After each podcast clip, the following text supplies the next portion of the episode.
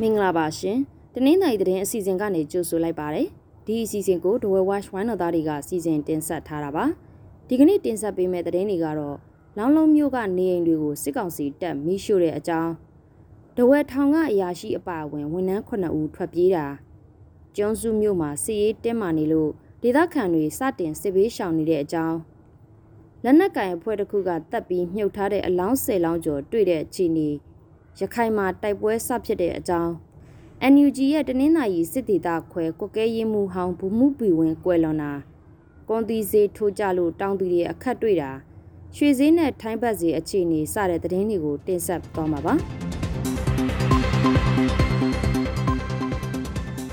လောင်းလုံးမြို့နယ်ပညစ်ကျေးရွာကနေအိမ်တွေကိုစစ်ကောင်စီတပ်ကမီးရှို့နေပါတယ်။နိုဝင်ဘာလ12ရက်ညပိုင်းအချိန်က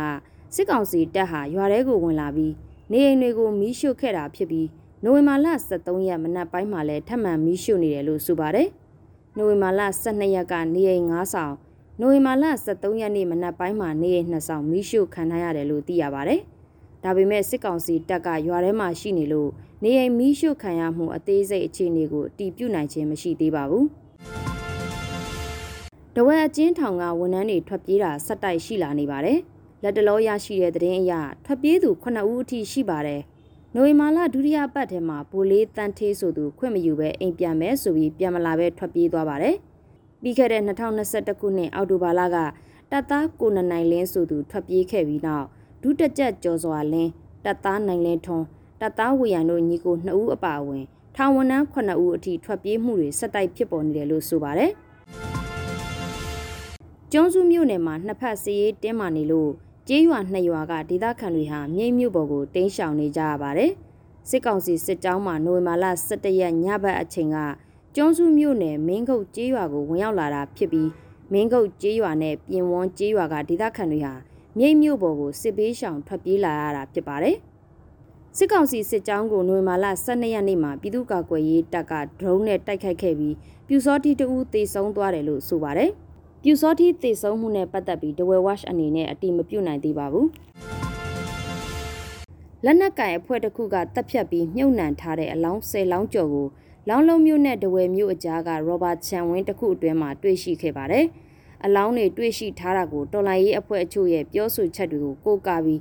FE5 တနင်္သာရီရဲ့အော်တိုဘာလအစီရင်ခံစာမှာဖော်ပြထားတာပါ။ ဒီတပ်ဖြတ်မှုကိုကျူးလွန်တဲ့လက်နက်ကင်အဖွဲ့ကိုအရေးယူနိုင်ဖို့ညှို့လင့်နေတယ်လို့တော်လန်ရေးမှာပါဝင်နေသူတွေကပြောဆိုကြောင်းအစီရင်ခံစာမှာပါရှိပါတယ်။ FE5 တနင်္သာရီဟာတနင်္သာရီတိုင်းအတွင်းကလူမှုရေးစီးပွားရေးစီရေးနဲ့အယက်သားထိခိုက်ဒေဆုံးမှုအချက်လက်တွေကိုသူတည်တနာပြုလုပ်ပြီးလစဉ်အစီရင်ခံစာထုတ်ပြန်နေတဲ့လွတ်လပ်တဲ့သူတည်တနာအဖွဲ့တစ်ခုဖြစ်ပါတယ်။တပ်ဖြတ်ပြီးနောက်လက်စဖြောင်းမြုပ်နှံထားတာလို့ယူဆရတဲ့အလောင်းတွေမှာ ကာလရှည်ကြာပျောက်ဆုံးနေသူတွေရဲ့အလောင်းတွေလည်းပါဝင်နိုင်တယ်လို့သိရပါတယ်။တနင်္သာရီတိုင်းမှာရုတ်တရက်ဆက်သွယ်မရပဲပျောက်ဆုံးသွားတဲ့ဒေသခံတွေဆက်တိုက်ရှိလာနေပြီးဘယ်အဖွဲ့ကဖမ်းသွားမှန်းမသိရသလိုဘယ်နေရာတွေကိုရောက်ရှိနေမှန်းစုံစမ်းမရပဲပျောက်ဆုံးသွားတာလို့ပျောက်ဆုံးသူတွေရဲ့မိသားစုဝင်တွေကဆိုပါတယ်။ဒဝဲဝက်ကလက်လန်းမိသမျှပြုစုထားတဲ့စင်းတွေအရအော်တိုဘာလအတွင်းမှာပဲသတင်းအစနာမရပဲပျောက်ဆုံးနေသူ၄ဦးအထိရှိနေပါတယ်။ ရခိုင်ပြည်နယ်မှာနိုဝင်ဘာလ23ရက်နေ့မှာတကြောပြန်တိုက်ပွဲစတင်ဖြစ်ပွားနေပါတယ်။ရတိတောင်မြို့နယ်မေယူတောင်တန်းအနီးစစ်တွေမောတောင်သွားတဲ့ကားလမ်းပေါ်မှာရှိတဲ့ဒုံးပိုက်နဲ့ချိန်ခါလီနယ်ချားဆောက်စခန်းနှစ်ခုကိုဒီနေ့နိုဝင်ဘာလ23ရက်နေ့မနက်9:00နာရီခွဲမှာရခိုင်တပ်တော် AA ကဝင်ရောက်တိုက်ခိုက်ခဲ့တာပါရခိုင်တပ်တော် AA ကဝင်ရောက်တိုက်ခိုက်ပြီးနောက်ရတိတောင်မြို့ပေါ်ကစစ်ကောင်စီတပ်ရင်းတို့ဟာလက်နက်ကြီးတွေနဲ့ဆက်တိုက်ပစ်ခတ်ခဲ့ပါတယ် ဒုံးပိုက်စခန်းကို AA ကတင်းယူသွားပြီလို့လည်းသိရပါတယ်ရှမ်းပြည်နယ်မြောက်ပိုင်းမှာ AA အပါအဝင်မြောက်ပိုင်းမဟာမိတ်သုံးဖွဲ့ကတစ်တုံညာနှစ်ခွန်စစ်စင်ရေးလှုပ်ဆောင်နေပြီး၁၈ရက်မြောက်နေ့မှာရခိုင်ပြည်နယ်မှာတနက်တန်တွေထွက်ပေါ်လာရတာပါအမျိုးသားညီညွတ်ရေးအစိုးရအယူဂျီရဲ့တနင်္သာရီစစ်ဒေသခွဲကုတ်ကဲရေးမှုဟောင်းဗိုလ်မှူးဘီဝင်းဟာနိုဝင်ဘာလ9ရက်နေ့မှာကွယ်လွန်ခဲ့ပါတယ်ထိုင်းနိုင်ငံလှပူရီခရိုင်စွန်ဖူးထီဝါကာမှာရှိတဲ့နေအိမ်မှာ စေကူတာမှုခံယူရင်းအသက်ကင်ဆာယောဂါနဲ့ကွယ်လွန်ခဲ့တာပါအသက်53နှစ်အရွယ်ရှိတဲ့ဗိုလ်မှူးဘီဝင်းဟာကရင်မျိုးသားအစည်းအရုံး KNU တပ်မဟာလေးရဲ့ KNL တရင်မှစစ်ကြောင်းမှုဖြစ်ပါတယ်။ဗိုလ်မှူးဘီဝင်းဟာ KNU ဗဟိုနဲ့ KNU တပ်မဟာလေးရဲ့မူဝါဒနဲ့လမ်းညွှန်ချက်အတိုင်း2022ခုနှစ်ဇန်နဝါရီလမှာ NUG ကာကွယ်ရေးဝန်ကြီးဌာနရဲ့တောင်ပိုင်းတိုင်းစစ်ဒေသတနင်္သာရီစစ်ဒေသခွဲကုတ်ကဲရေးအဖွဲ့ရဲ့ ကုတ်ကဲရေးမှုအဖြစ်တာဝန်ထမ်းဆောင်ခဲ့သူဖြစ်ပါတယ်။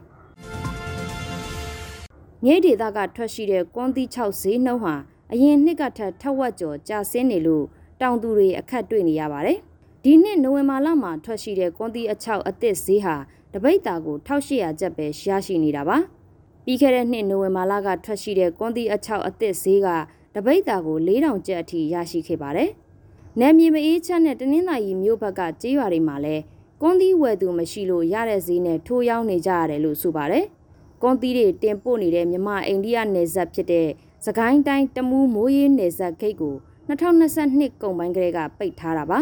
။နယ်စပ်ဂိတ်ပိတ်ထားလို့အိန္ဒိယနိုင်ငံကိုကွန်တီတွေတင်ပို့နိုင်တာမရှိလို့ဈေးတွေကျဆင်းလာရတာလို့ဆိုပါတယ်။ကွန်တီအဟောင်းဈေးကလည်းတပိတ်တာကို3500ကျပ်ကနေ2500ကျပ်အထိကျဆင်းနေပါတယ်။ နောက်ဆုံးတစ်ပုတ်အနေနဲ့ရွှေနဲ့ဗတ်ဈေးအခြေအနေကိုတင်ပြပေးသွားမှာပါ။ဒီနေ့မှာတော့အခောက်ရွှေတစ်ကြက်သားကိုကြက်တောင်းဈေးတက်သွားပါတယ်။တဝယ်ဈေးကွက်မှာအခောက်ရွှေတစ်ချက်သားကို35သိန်းကျပ်နဲ့ဈေးဖွင့်ထားတာပါထိုင်းဘတ်ဈေးကလည်းကျနေပြီးမြန်မာငွေ3သိန်းကို1088ဘတ်ပေါက်ဈေးရှိနေပါတယ်